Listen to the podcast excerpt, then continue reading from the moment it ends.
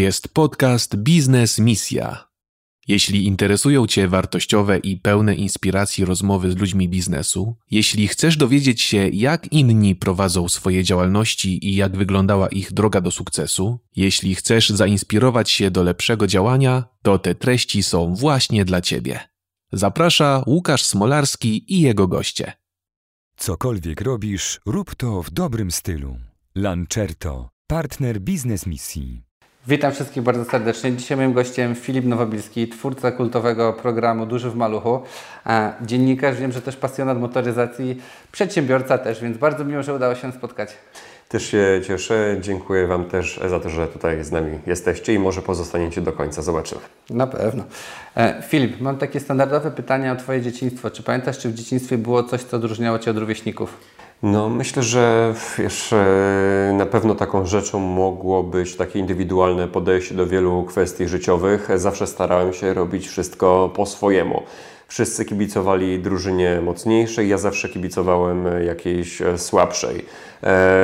Wszyscy lubili jakąś dyscyplinę sportową, więc ja lubiłem inną. I myślę, że w związku z tym też e, dzisiaj przeprowadzam wywiady w Fiacie 126, a nie na przykład w profesjonalnym studio zlokalizowanym na przykład w centrum Warszawy, w jakimś wysokim biurowcu, ma to bardzo dużo też e, zalet, bo ja się nauczyłem przez całe życie patrzeć na wszystkie e, rzeczy inaczej niż e, większość. Zawsze staram się coś innego wnieść do danej sytuacji, więc myślę, że to jest taka umiejętność, która się rozwijała od dekad w moim życiu, już od trzech dekad, bo wczoraj skończyłem, proszę Państwa, 30 lat. Poważne. Wow, gratulacje. Poważny wiek, no ale jeszcze do 40 jest trochę.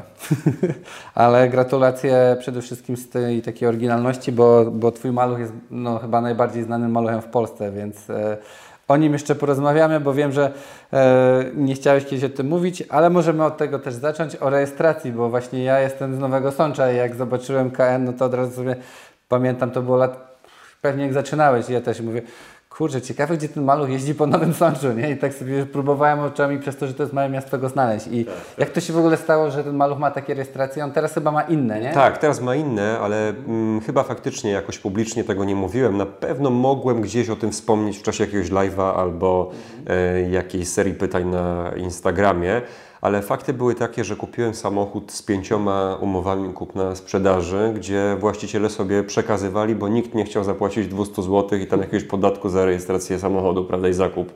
Więc e, jak ja już ten samochód nabyłem, już sobie stwierdziłem, że na pewno będzie ten, wszystko zacząłem planować.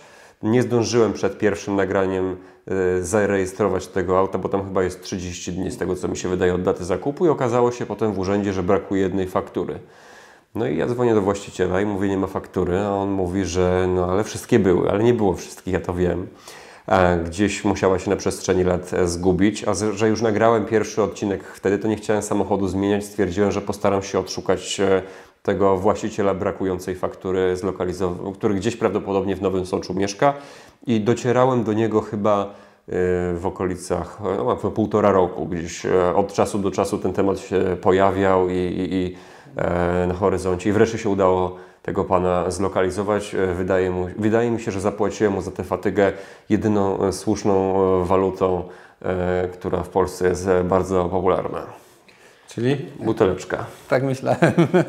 Okej. Okay. I jednak był z Nowego Sącza, tak? tak? nie, maluch był z Nowego Sącza na tych rejestracjach KN, ale kiedy już zdobyłem tę brakującą fakturę, poszedłem do urzędu, przerejestrowałem na, na, na, na właśnie KR.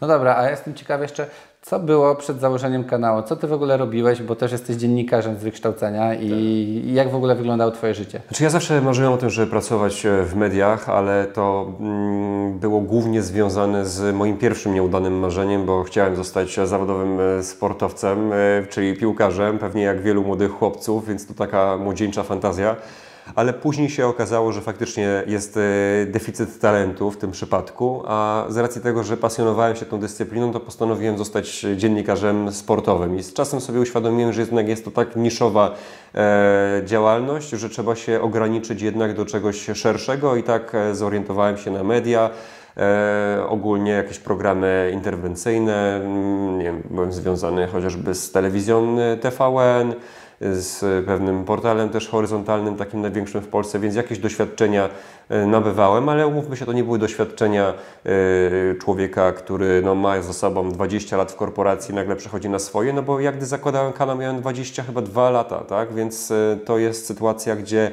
ja dopiero liznąłem tego życia zawodowego. Byłem studentem chyba wtedy drugiego roku dziennikarstwa, na które poszedłem tylko z tego względu, żeby móc łączyć to z zajęciem zawodowym właśnie w mediach i Jakoś tak się złożyło, że na moim uniwersytecie był organizowany taki, e, chyba ten uniwersytet współpracował z, e, z, z, redakcją telewizji polskiej e, i ja prowadziłem tam, e, czy, czy, czy byłem w formie takiego reportera w paru programach dotyczących mniejszości etnicznych. Jeden z odcinków był realizowanych, e, realizowany na terenie Nowego Sącza i dotyczył Romów. I tam zobaczyłem, że operator, który przygotowuje ten program, wpakował mnie do mm, swojej Skody, przypiął kamerę sportową i powiedział drugiej współprowadzącej, że teraz sobie tam luźno porozmawiajcie, zróbcie e, wstęp do tego naszego materiału.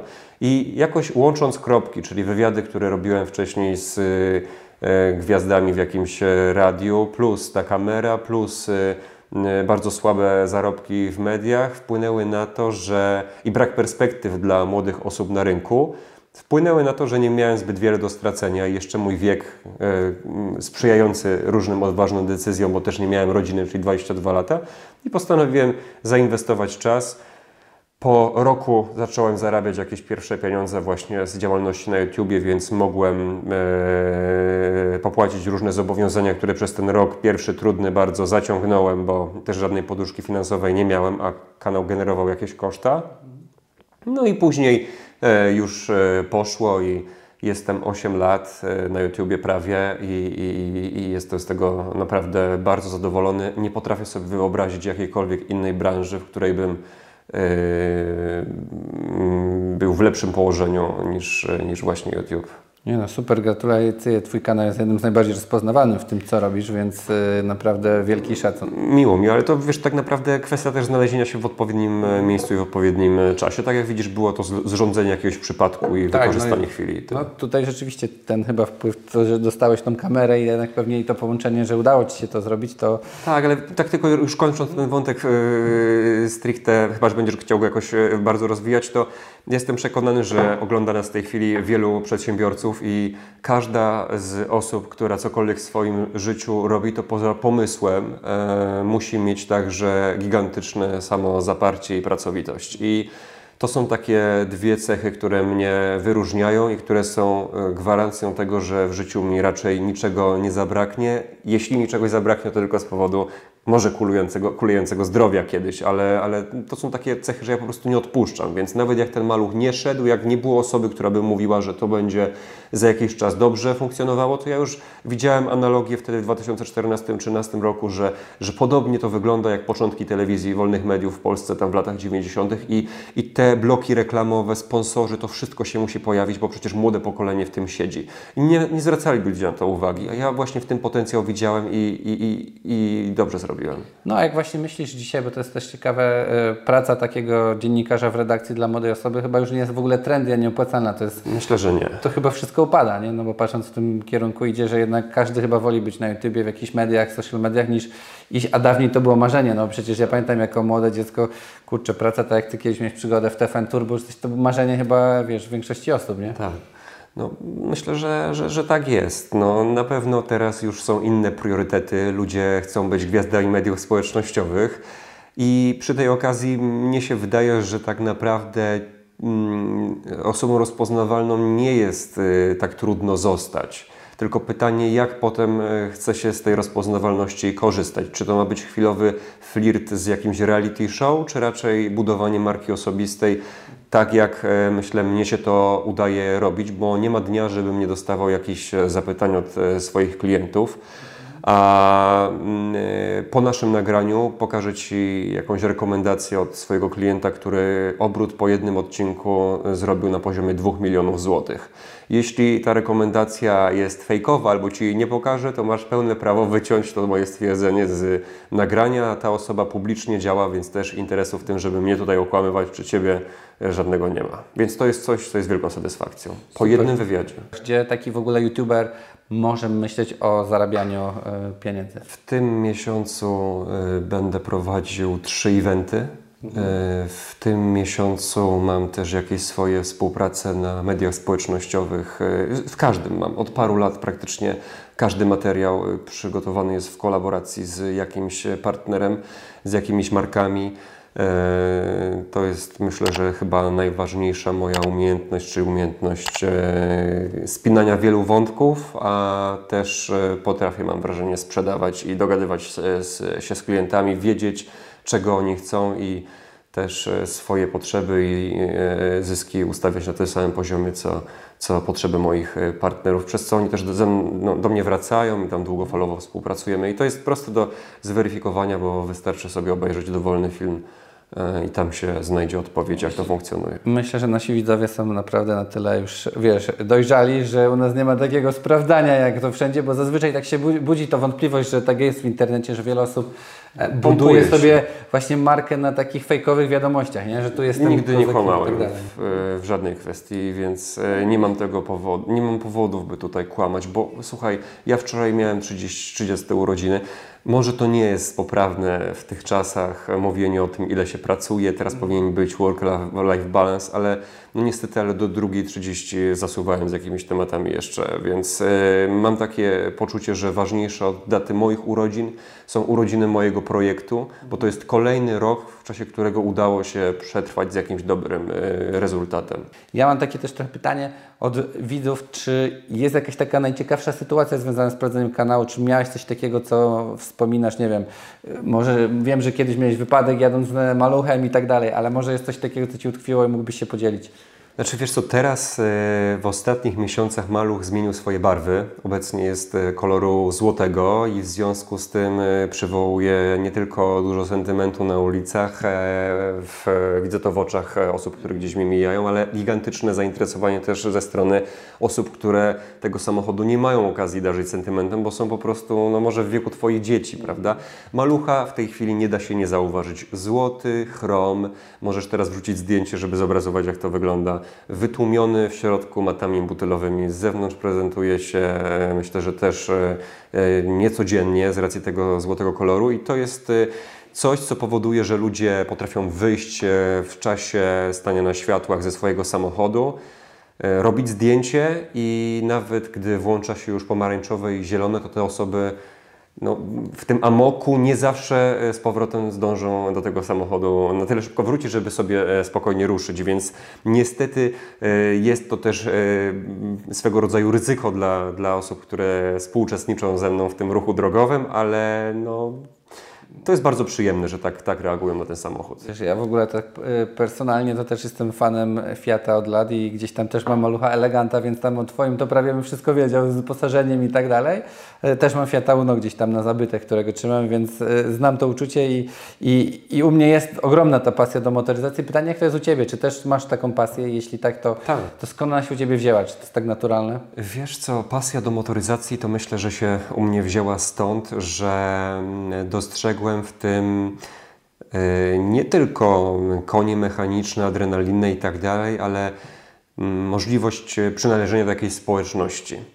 I to jest dla mnie niesamowite, że tak jak się mówi, że przyjaźnie wytwarzają się w tym najmłodszym e, czasie, w, tym, w tych najwcześniejszych latach życia, że potem w e, okresie tym zawodowej pracy jest się ciężko zaprzyjaźnić z kimś.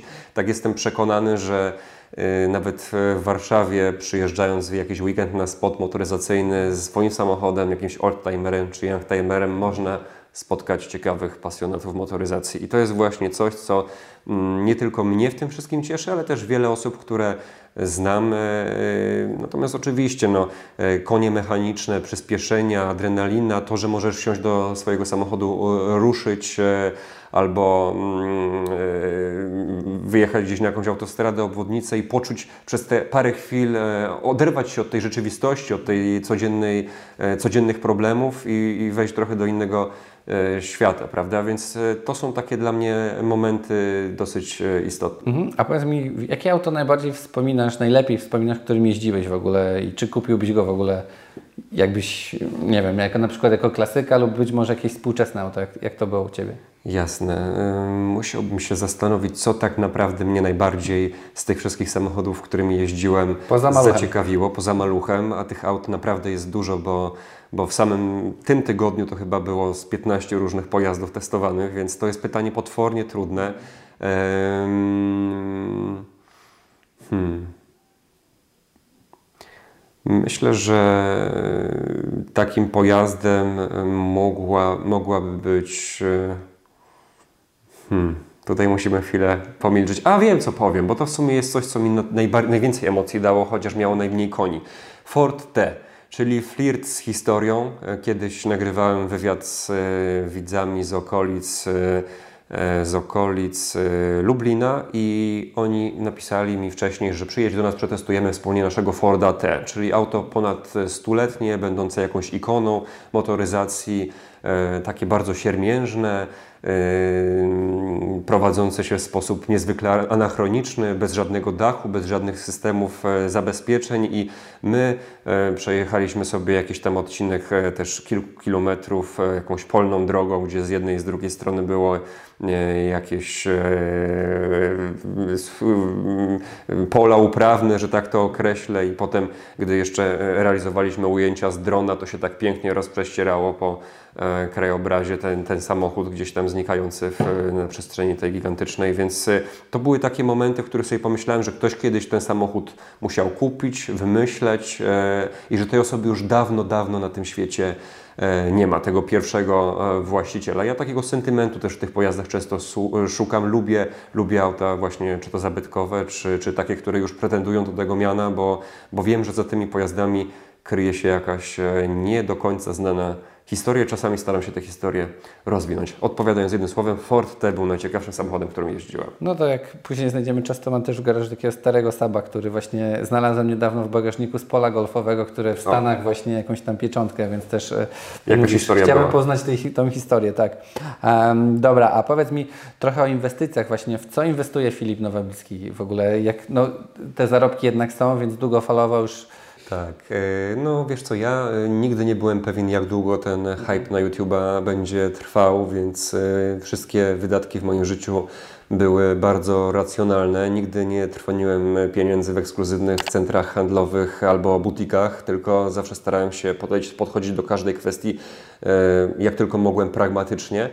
I wydaje mi się, że dobrze na tym wyszedłem, bo mm, dzisiaj mam kilka nieruchomości, które może nie generują jakiegoś gigantycznego e, zysku, ale stwarzają mi duże poczucie bezpieczeństwa, bo e, są w dosyć strategicznych miejscach e, nabyte.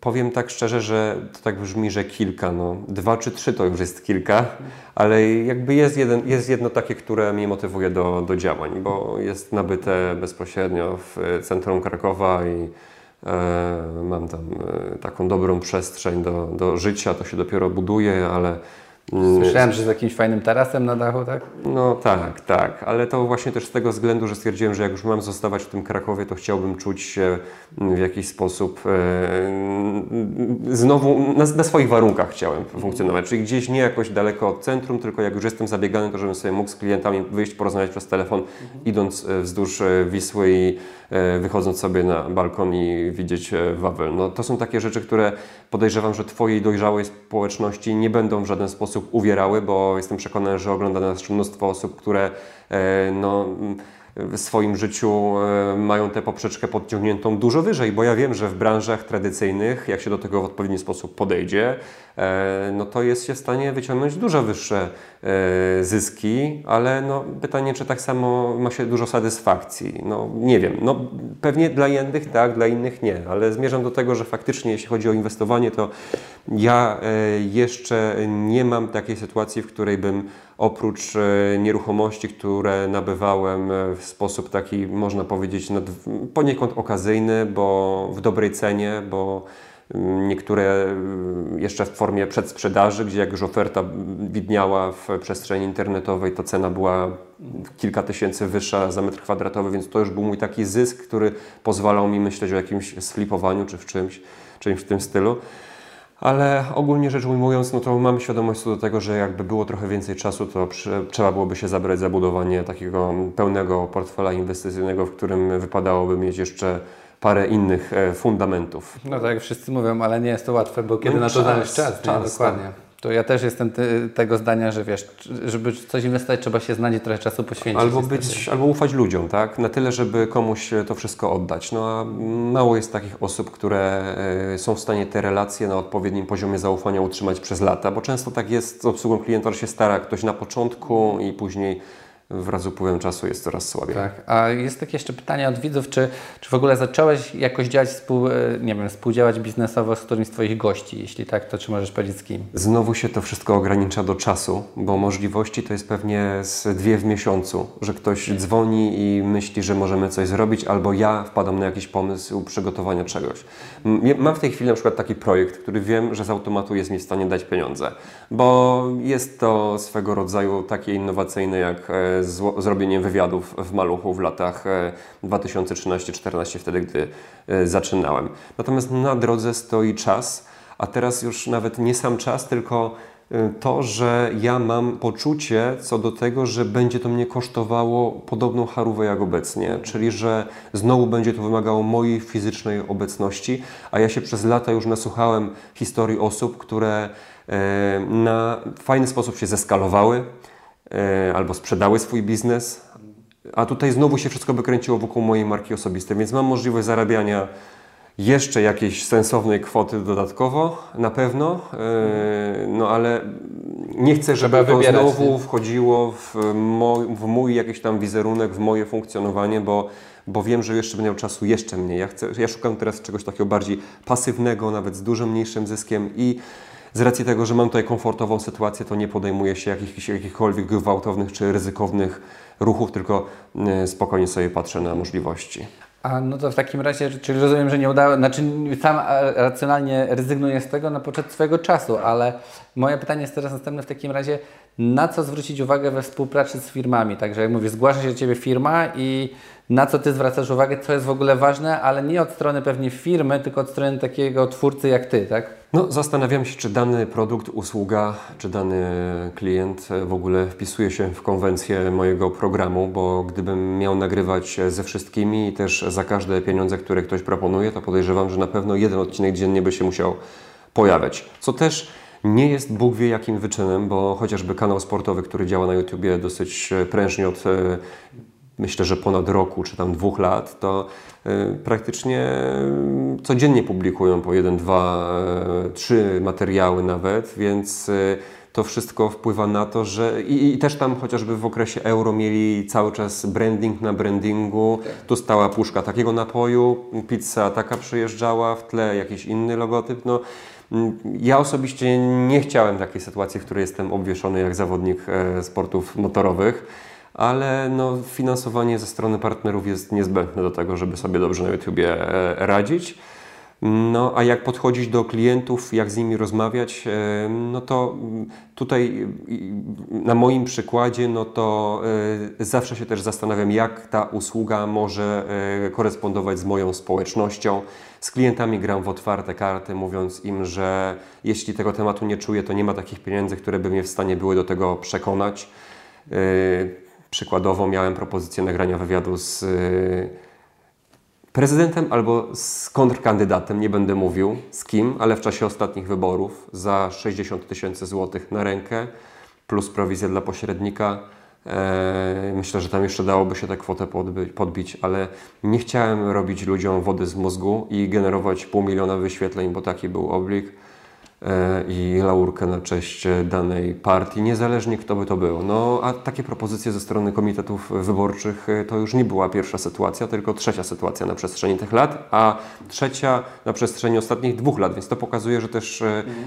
poważni gracze, powiedzmy też tacy mm, strategicznie z punktu widzenia państwa interesują się taką strategią też YouTube'ową, więc reasumując, Wszystkie osoby, które e, myślą o tym, by na YouTubie zaistnieć, działać komercyjnie, powinny nie wykazywać się pazernością zawsze i wszędzie, tylko patrzeć mhm. tak holistycznie dalej. No to ja mam jeszcze pytanie, bo tu mówimy już o takim dojrzałym, o Twoim sukcesie, jak jakby doszedłeś i sami się do Ciebie ludzie zgłaszają, ale jak było u Ciebie z początkami? Czy to też rzeczywiście, no tak jak mówisz, pierwszy rok pewnie był trudny, ale firmy same się zgłaszały, czy Ty zaczynałeś, nie wiem, pisać? Jak wyglądała ta droga do zdobycia, powiedzmy, pierwszego klienta? No to pierwszy klient to wyglądał tak, że wziąłem sobie torbę na laptopa, wsadziłem do środka laptopa, założyłem jakąś marynarkę i chodziłem po krakowskim Kazimierzu od knajpy do knajpy, mówiąc, że przyjadę do Was na wywiad z danym celebrytą i sobie tam na koniec wywiadu siądziemy, wydam, wydacie kawę i, i tyle, no nie? E, też e, ludzie, którzy występują w moim programie na takich zasadach e, otwartych, gdzie jakby nie płacą za nagrania i tak dalej, bo część jakby wiadomo, no buduje sobie ktoś wizerunek, generuje sprzedaż, zarabia dzięki temu, no to za reklamę w telewizji, w radiu, na YouTubie wszędzie się płaci, więc to jest jakby oczywiste. Ale też bardzo duża część odcinków jest realizowana po prostu tak z potrzeby poruszenia jakiegoś tematu ciekawego i, i tutaj stricte o płatność ze strony moich bohaterów nie chodzi. I e, jeśli chodzi o tych pierwszych klientów, to udawało mi się w ten sposób z, chyba z trzema czy z czterema jakimiś knajpami na, w Krakowie e, dogadać, tylko że też e, na przykład proponowałem, że jak będzie 100 tysięcy wyświetleń pod tym odcinkiem, to wtedy Państwo mi zapłacicie te 1000 złotych. No to klient generalnie nic nie tracił, projekt generalnie jeszcze nie funkcjonował, więc ciężko było zaufać, tak? Tam nie wiem, 10 tysięcy wyświetleń było w pierwszy odcinek opublikowany, no to no, ciężko było partnersko z kimś rozmawiać. No i potem się okazywało, że te 100 tysięcy to się na przykład uzbierało dopiero po dwóch latach. Nie? No to wtedy szedłem, mówiłem, no i i tam po kolejnym półroczu udawało się uzyskać te 1000 zł. Mam też takie pytanie odnośnie YouTube'a dla biznesu w ogóle. Czy co Ty o tym myślisz, bo to coraz więcej się pojawia, że mówi się, jedni mówią, że każda firma powinna być na YouTubie, inni, że wcale tak nie jest. Nie? Jak to w ogóle z Twojej perspektywy wygląda? No ja myślę, że wcale tak nie jest. że nie wszystkie firmy na tym YouTubie się odnajdą. Ja y, wiem, jak czasochłonna jest produkcja. Dla mnie przygotowanie pojedynczego odcinka to jest 30 godzin, no tak uśredniając. Weźmy pod uwagę y, przygotowanie sprzętu, przygotowanie kart, y, przygotowanie samochodu, przewiezienie samochodu, często kilkaset kilometrów w jakąś lokalizację, przygotowanie pytań, wcześniej podpisanie umowy, znalezienia partnera do odcinka, publikacja w mediach społecznościowych, zmontowanie materiału, gdzie realnie często nagrywane są odcinki z amatorami, którzy pierwszy raz od czasu Komunii Świętej występują przed, przed kamerą i się stresują, więc montaż potrafi trwać nawet parę dni, ale przeważnie to są dwa dni robocze. E, potem autoryzacja tego gościa, więc to wszystko buduje koszt czasowy, potem jeszcze czasami jakieś przypominanie o zaległych płatnościach, prawda? I tak dalej, i tak dalej, więc spokojnie kilkadziesiąt godzin licząc, tyle przygotowanie jednego odcinka trwa. Więc jeśli by ten model przenieść na, żeby to z sukcesem działało, tak? Jak ja generuję średnio na odcinku 220 tysięcy wyświetleń, mam tam w okolicach 80 paru milionów odsłon, średnią arytmetyczną mierząc, mam tam 360 parę odcinków, to żeby to miało taką e, e, wagę i siłę rażenia, no to trzeba do tego podchodzić w taki profesjonalny sposób. I nie jestem w stanie sobie wyobrazić, że jakiś poważny gracz z jakiejś firmy, korporacji jest w stanie e, za sprawą też swojego zespołu stworzyć i zapewnić regularność przez lata i budować wizerunek swój przez 10 lat na YouTube z dużą regularnością, nie czerpiąc z tego, nie mając stuprocentowej gwarancji, że to będzie miało powodzenie. Łatwiej sobie wykupić reklamę na jakimś kanale, E, takich kanałów jest e, mnóstwo, które e, są otwarte na współpracę biznesową. Więc tak to moim zdaniem jest dużo prostsze i tańsze. tańsze. Dobra, a czy możesz zdradzić, czy są w ogóle jakieś takie hinty dla youtuberów, to znaczy na przykład, nie wiem, jak dobrać dobre słowa kluczowe, jak je dobrać dobry tytuł i tak dalej. Jak Ty to robisz w ogóle w Twoim przypadku? Wiemy też, że trzeba się wyróżnić miniaturą, u Ciebie też jest to bardzo mocna, ale czy są jakieś hinty, o których mógłbyś powiedzieć? Wiesz, e, ja się zawsze staram, e, to też zależy od społeczności. Moja społeczność interesuje się biznesem, motoryzacją, a także mediami społecznościowymi. Zrobiłem ankietę na kanale ostatnio, 10 tysięcy głosów. 50 parę procent jest zdania, że najciekawsze są tematy biznesowe, co pokazuje, że ta społeczność jest bardzo jakościowa. 30% e, że motoryzacja, a pozostałe to jakieś dodatkowe wątki, tak? Więc dla mojej społeczności sytuacja, w której ktoś opowiada o swoim Y, dochodzie, obrocie, bo to ludzie nie odróżniają, e, koniach mechanicznych, e, koszcie zakupu jakiegoś samochodu, to to jest coś, co się e, u mnie przyjmuje. Ale jest jeden kanał, który mnie kopiuje, czy tam pewnie jakieś może być ich więcej i widzisz, i ja jestem ja w stanie dwa. na tych samych bohaterach, których oni mają, e, gdzie oni muszą wykupować jeszcze płatne wyświetlenia, żeby to się klikało, to ja... Chyba też jeżdżą samochodem, nieco lepszy. Tak, to ja generalnie, wiesz, e, e, czy nie pamiętam jak ten kanał się nazywa, ale nieważne, e, to ja e, jestem w stanie, mając tego samego bohatera pół roku później, nagrać sobie odcinek, który wygeneruje ponad 100 tysięcy wyświetleń i to na tym, że po prostu dobre pytania zadam i zrobię ciekawą rozmowę i tytuł się wtedy sam robi. Ja nigdy nie myślę tytułem. To nie jest tak, że ja dzwonię do kogoś i mówię, słuchaj, mm, jaki tytuł będzie i miniatura. Czasami widzowie pytają, jak robimy odcinek, czy moi goście, e, bo widzowie tutaj trzeba wyjaśnić, też są bohaterami moich odcinków, jaki tytuł, jaka miniatura. Ja mówię, zobaczymy, co powiesz. Więc czasami jest tak, że jak tego tytułu miniatury nie ma, jeździmy sobie samochodem już pół godziny po ulicach przykład Warszawy, stajemy sobie na przystanku na moją prośbę, mówię, słuchaj, w tym wywiadzie fajnie sobie rozmawiamy, ale musisz być konkretniejszy, musi być więcej jakiegoś mięsa. Pomyśl, czy jest jakiś taki temat, który ma potencjał jakiś nośny i powtórzmy te kwestie i przeanalizujmy i zastanówmy się, jak jeszcze ubrać to w słowa, żeby to miało ręce i nogi. No super, super hint. To według mnie bardzo ciekawe, co mówisz. Um, no dobra, a powiedz mi jeszcze, bardzo jest to ciekawe, gdzie Ty też publikujesz? To oznacza, że właśnie jak, czy tak jest, no bo wiadomo, masz mega społeczność i to się już też samo niesie, ale czy być może teraz, być może na początku, czy to jest tak, że, a nie wiem, publikować na YouTubie od razu nie, używasz, nie wiem, wszystkich mediów, czyli Wykop, jakieś e, Facebooki, grupy i tak dalej, czy nie Na wiem, czy być może media jakieś, które... Na początku to robiłem i też wtedy współpracowałem z. y, Miałem tam umowę o, o publikację moich materiałów chyba na Onecie, ale potem oni zrobili Onet rano, więc tą umowę wypowiedzieli.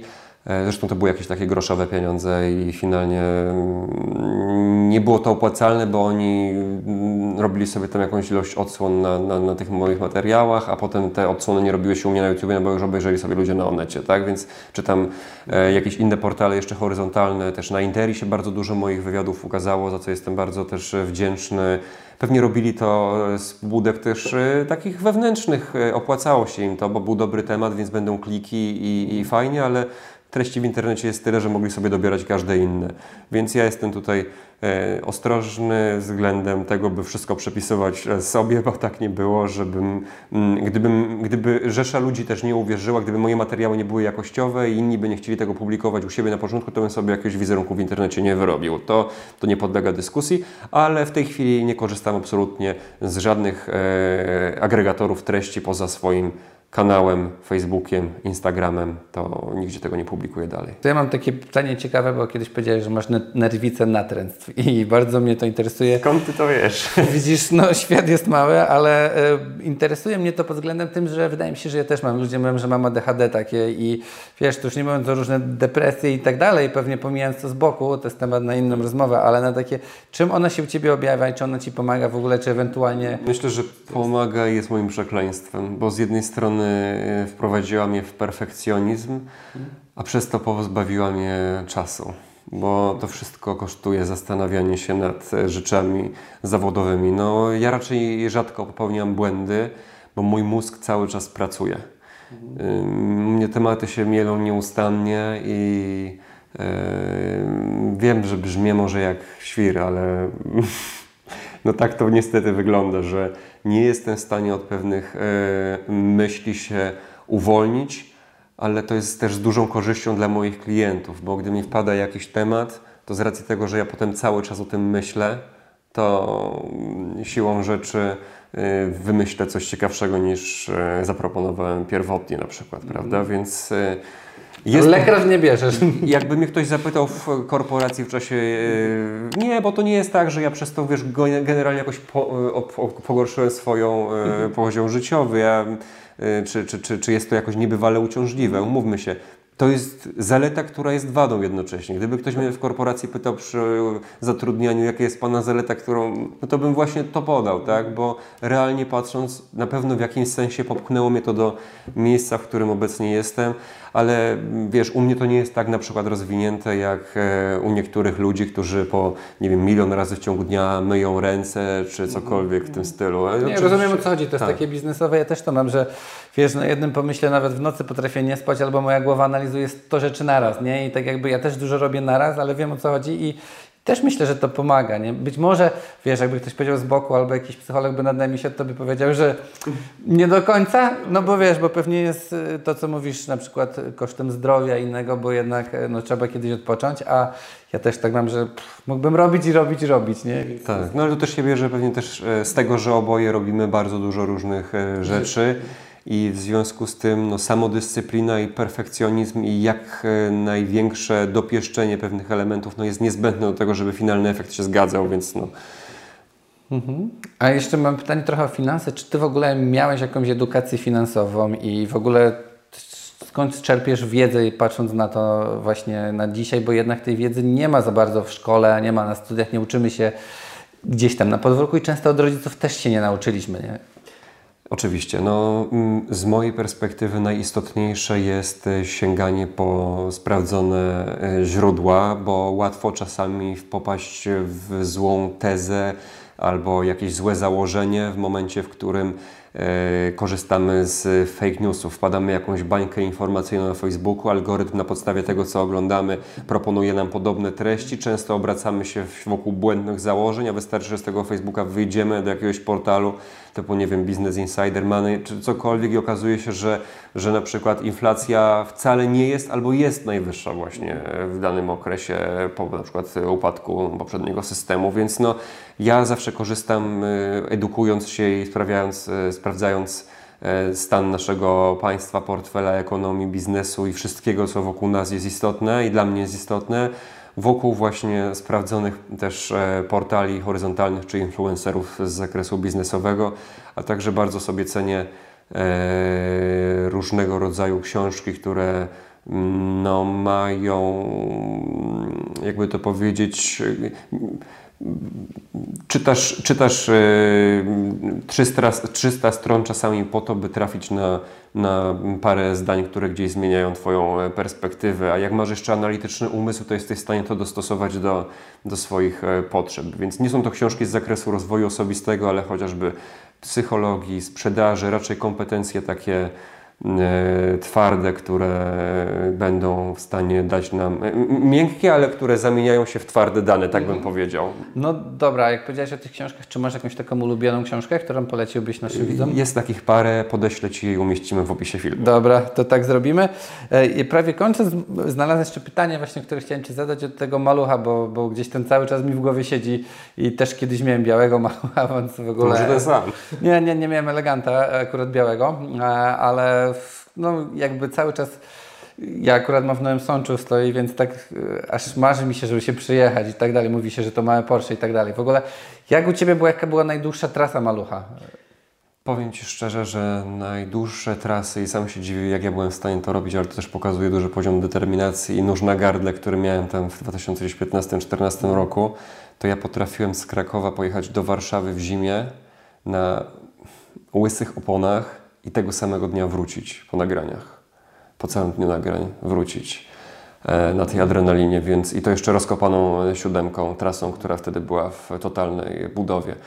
E, także to były takie podróże najbardziej pozostające w pamięci, ale była też taka trasa, gdy mieliśmy jakiś e, huragan w Polsce, pamiętam, nagrywałem materiał dla jednej z najpopularniejszych marek, marek, alkoholowych w Polsce i miałem wywiad z ich gorzelnikiem w Bydgoszczy. I to tak jakoś spontanicznie się zrodziło i musiałem do tej Bydgoszczy jechać, a, a chyba y, przedkładałem y, wtedy wszystkie y, wszystkie mm, swoje zyski nad bezpieczeństwo i inne kwestie.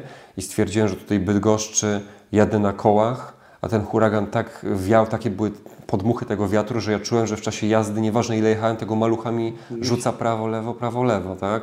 Jechałem przez jakieś lasy, gdzie tam gałęzie e, często leżały, gdzie liście cały czas e, wokół krążyły i dojechałem do tej Bydgoszczy, przespałem się chyba z dwie godziny, nagrałem ten wywiad z Gorzelnikiem bardzo dobrze i potem z powrotem z tej Bydgoszczy do Krakowa, e, czyli to by było z ponad 1000 kilometrów. Wow. I że maluch jeszcze cały czas... 650 w jedną stronę było, pamiętam. Tam w okolicy Bydgoszczy, nie pamiętam dokładnie gdzie to było, ale...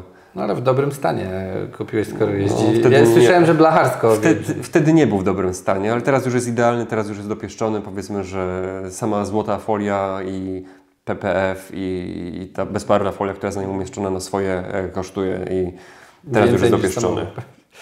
Tak, e, powiedz mi, trochę jeszcze jestem ciekawy, jak tak mówisz i o tym takim zajęciu czasu, czy ty mając już te 30 lat, które skończyłeś, z perspektywy czasu, e, jak wygląda, nie masz takiego poczucia, że gdzieś nie masz czasu nawet, nie wiem, na rodzinę, na jakieś takie przyjaźnie, czy jak to w ogóle Znaczy wiesz co, ja wygląda? mam e, paru przyjaciół, którzy wierzą w, e, we mnie i tolerują moje zapędy takie pracoholistyczne, bo oni wiedzą, że w gruncie rzeczy ze mnie chyba fajny gość i to nie muszą wiedzieć tego wszyscy, ale ja dla tych ludzi naprawdę jestem w porządku i tutaj e, też wiedzą, że nie kierują mną tylko i wyłącznie materialistyczne pobudki, tylko ja kocham to, co robię. Wiesz, ja mam teraz Myślę, taki dylemat. chyba nie robił tyle lat, to wiesz jak Tak, jest. To jest dostałem od swojej partnerki e, narzeczonej już Xboxa na urodziny. Myślałem, że powiesz, że pierścionek i sama się wiesz. Okej. Nie, nie. I, i, I mam taki dylemat w tej chwili. Mm, Mam co z tym zrobić, bo ja wiem, że jest tyle ciekawszych rzeczy do zrobienia, y, że nie mam potrzeby wpakowywania się w jakieś e, kompulsywne granie, czy nawet od. No i gdzieś będę kombinował, jak to oddać. Więc takie, widzisz, jestem nie jeden chłopak, każdy chłopak by się cieszył, tak? A ja się zastanawiam, jak rozwiązać tę sytuację, bo ten czas wolę poświęcić właśnie znajomym, widząc się z nimi, rozmawiając, a nie e, siedząc nawet z nimi i grając po prostu. Kurczę, jak Cię słucham, Filip, powiem Ci, że jestem w szoku, bo obok jest też PlayStation 5, które przez przypadek gdzieś kupiliśmy na, e, przez kuzyna na takiej przepremierze, nie? I wyobraź sobie, ona jeszcze ani razu nie była włączona. Ja tylko wystawiłem, nie ma czasu grać. No nie ma Kupiłem, bo był szał, że nie będzie, mieliśmy starą, więc mówię, kupię, będzie może dla dzieci. Nie włączyliśmy, nie? więc stoi. Także mam to samo, ja też wybieram i przyjaciół i też montaż wywiadu, więc ja wieczorami i nocki raczej poświęcam na ten montaż, ale pff, widzisz, wygrywa montaż niż gra. To ktoś pomyślał, no Jasne, no. Facet, e, czy e, narzeczony mojej siostry e, jest menadżerem w korporacji, zarządza kilkudziesięcio e, osobowym zespołem i gdy rozważałem zakup właśnie jakiejś konsoli, powiedział mi, ty ze swoim podejściem, bo on kończy pracę po 8 godzinach, to sobie siada potem i gra, prawda? Ale z moim podejściem do pasji, tego ile jest tematów, jak ja kocham to robić i tak dalej, że wolę zawsze rozwijać swoje projekty i zrobić sobie grę w realu niż grać na telewizorze, to w ogóle nie ma sensu w takie tematy wchodzić. Filip, takie ostatnie pytanie. Czy jest coś, co chciałbyś przekazać naszym widzom? Czy jest coś, co chciałbym przekazać naszym widzom? Chciałbym przekazać naszym widzom, żeby yy, to są też takie moje, wiesz, ważne tematy, które mi przysłania, e, od lat towarzyszą, bo ja w swoim samochodzie już 8 lat temu gościłem osoby, które dzisiaj Yy, albo już nie funkcjonują w polskim show biznesie, yy, bo rynek wybrał już inne osoby, albo w ogóle odeszły z tego świata i dobra materialne, które towarzyszą nam na co dzień i, i, i chęć pokazania się gdzieś e, często przysłania faktycznie istotne rzeczy. Więc ja wszystkim osobom, które mają jakąś wewnętrzną presję i współrywalizują ze znajomymi na, na dobra materialne, żeby się wyłączyły z tej gry i skupiły się na sobie rzeczach ważnych i nie popadały w taki konsumpcjonizm, bo z mojej perspektywy no to to jest absolutne zagrożenie naszych czasów i gonimy za rzeczami, które yy, tak naprawdę chcemy mieć po to, żeby nam inni zazdrościli. Ja jestem wyłączony z tej gry od wielu lat, yy, natomiast yy, ja z kolei pracuję po to, dlatego, że kocham i dlatego, żeby mieć bezpieczeństwo, którego wiele lat temu nie miałem. I to są takie moje podstawowe pobudki motywujące do y, do działania, więc y, trochę się rozwinąłem, ale myślę, że jak się to wszystko sklei, to coś się z tego wyciągnie ostatniego zdania, mam nadzieję chociaż. Pako, Filip, bardzo Ci dziękuję za Twój czas, bardzo Ci gratuluję, bo naprawdę robisz dobrą robotę, żebyś dalej kontynuował, żeby za 10 lat ten maluch dalej złotem błyszczał albo nową jakąś tam, nie wiem, strukturą pokryte. E, no i życzę Ci przede wszystkim jeszcze 30 lat, więc wszystkiego najlepszego, żebyś dalej miał tyle siły, energii, żeby to zdrowie było, bo, bo to jest chyba dla nas takie najważniejsze. Bardzo mądre słowa, co powiedziałeś na koniec, z którymi się też zgadzam w 100% i no myślę, że jesteś właściwą osobą i robi to, co powinna w tym samym, jesteś w dobrym miejscu, więc jeszcze Tak, raz. ale powiem Ci szczerze, że już, już tak absolutnie kończąc ze swojej strony, że ja nigdy się nie nastawiam na to, że jakaś data ma być datą przełomową, tylko staram się działać tu i teraz i w ogóle nie robię sobie żadnych takich deadline'ów stricte dotyczących swojego jakiegoś rozwoju. Natomiast y, czekałem na tą trzydziestkę w tym sensie, że e, chciałem wewnętrznie e, poczuć, że już e, trochę czasu upłynęło i to jest już czas na przewartościowanie pewnych e, rzeczy. I kiedyś spotkałem się z pewnym przedsiębiorcą, który mi powiedział, że ma samochodów 80 w garażu, ale jest pierwszy raz synem od 14 lat na wakacjach. I to był moment, w którym sobie pomyślałem, że ja tak nie chcę. I w związku z tym, być może jakbyśmy się za rok spotkali, to już bym miał inną perspektywę, bo ja już teraz będę trochę spowalniał ogólnie. To jestem przekonany. Mhm. No to tego Ci życzę, żebyś zaczął też żyć właśnie innymi, korzystał z tego życia, bo życie jest piękne i ma naprawdę wiele, wiele wymiarów, nie? Więc tego wszystkiego dobrego w tym temacie. Dzięki Filip. Dzięki.